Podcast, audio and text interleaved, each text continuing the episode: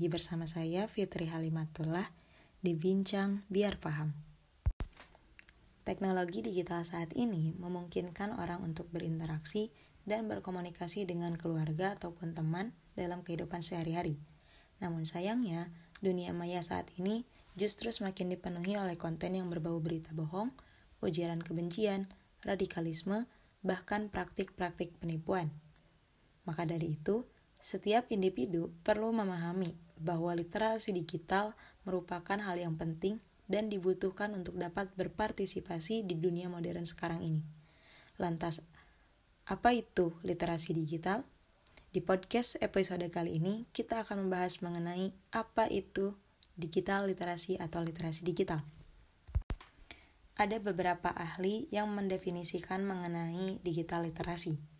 Menurut Paul Gilster dalam bukunya yang berjudul Digital Literasi, literasi digital itu diartikan sebagai kemampuan untuk memahami dan menggunakan informasi dalam berbagai bentuk dari berbagai sumber yang sangat luas yang diakses melalui piranti komputer. Sedangkan Bowden menawarkan pemahaman baru mengenai literasi digital yang berakar pada literasi komputer dan literasi informasi. Mengacu pada pendapat Bowden tadi, literasi digital lebih banyak dikaitkan dengan keterampilan teknis mengakses, merangkai, memahami, dan menyebarluaskan informasi. Sementara itu, Douglas A. Belshaw dalam tesisnya yang berjudul What is Digital Literacy tahun 2011, ia mengatakan bahwa ada delapan elemen esensial untuk mengembangkan literasi digital. Ada kognitif, konstruktif, komunikatif, kepercayaan diri yang bertanggung jawab, kreatif, kritis dalam menyikapi konten, dan bertanggung jawab secara sosial.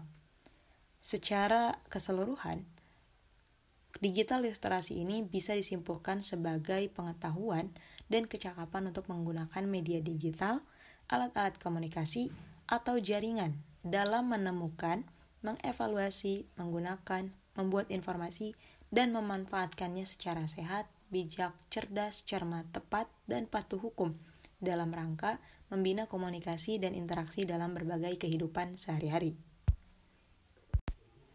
Kecerdasan bermedia di masyarakat sangat penting. Saat ini, penggunaan media digital di dunia telah menjadi gaya hidup yang terkoneksi dengan teknologi informasi. Pertumbuhan media digital memungkinkan pergeseran perilaku di masyarakat. Hal ini karena keterbukaan informasi di media sosial tidak dibarengi dengan kecerdasan bermedia untuk menganalisis data dan konten yang ada.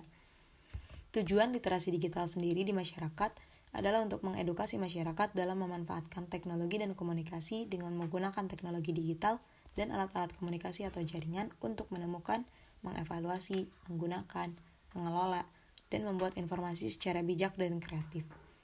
Jika generasi muda saat ini kurang menguasai kompetensi digital, hal ini akan sangat beresiko bagi mereka untuk tersisih dalam persaingan, baik itu memperoleh pekerjaan, berpartisipasi dalam demokrasi ataupun interaksi sosial.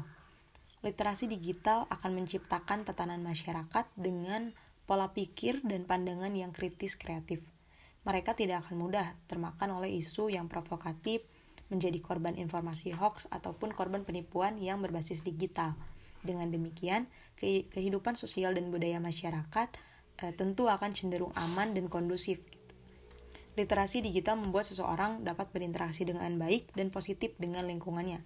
Sehingga dengan demikian, literasi digital perlu dikembangkan baik itu di lingkungan keluarga, sekolah, ataupun masyarakat sebagai bagian dari pembelajaran sepanjang hayat.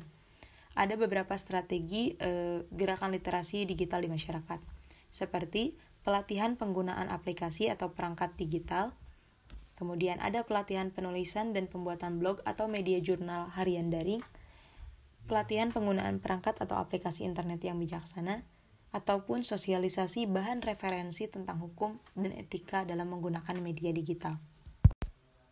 Itulah penjelasan dan pembahasan mengenai digital literasi. Semoga informasi ini bisa bermanfaat, dan sampai jumpa di podcast selanjutnya.